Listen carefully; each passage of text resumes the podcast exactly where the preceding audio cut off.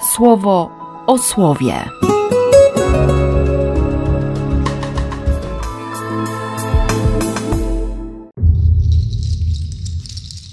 Dwudziesty piąty lutego, piątek.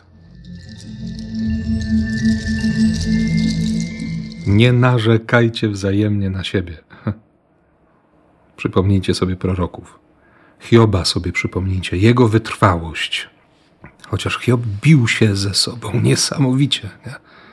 Przecież wyrzucał Bogu, że ten się pomylił. Przeklinał dzień swojego urodzenia.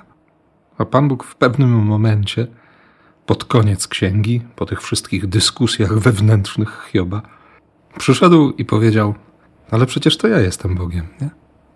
Nie bój się. Nie bój się tego, że myślę inaczej niż ty. Nie bój się tego, że robię inaczej niż ty byś zrobił. Naprawdę jestem Bogiem. Naprawdę. Naprawdę zapanuję nad wszystkim, nad czym nie panujesz. Ten czas, te ostatnie dni mocno, mocno sprawdzają moją cierpliwość, wytrwałość, yy, zaufanie, że On wie, co robi. I dlatego dobrą mobilizacją jest dla mnie ten ostatni, dwunasty werset. Nie? Niech wasze tak zawsze znaczy tak, a nie zawsze znaczy nie. Być tak blisko Boga, tak blisko prawdy, że się człowiek prawdy nie boi, że jest prawdziwy.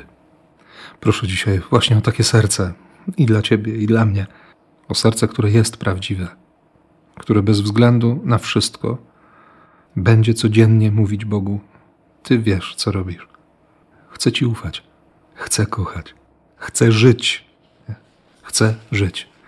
Bo On w przeciwieństwie do ludzi nigdy nie da nam listu rozwodowego. Straszny był ten list, nie? Ze względu na skamienienie waszych serc.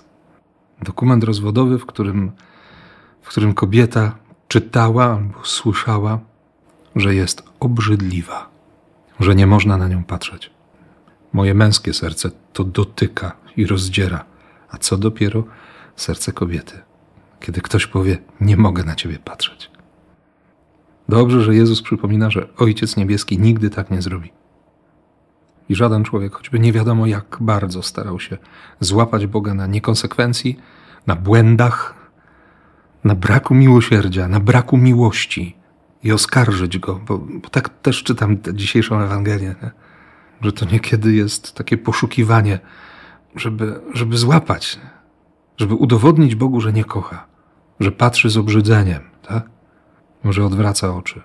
Nikt, nikt z ludzi nie będzie mógł udowodnić Bogu takiego spojrzenia.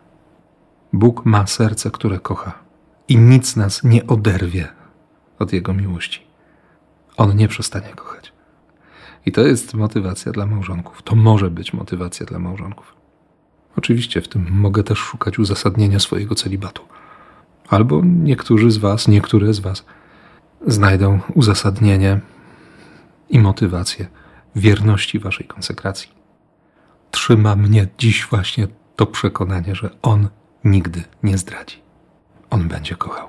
Tego przekonania, tego doświadczenia i takiej miłości Ci życzę. I błogosławię, jak tylko potrafię, w imię Ojca i Syna i Ducha Świętego. Amen. Słowo o słowie.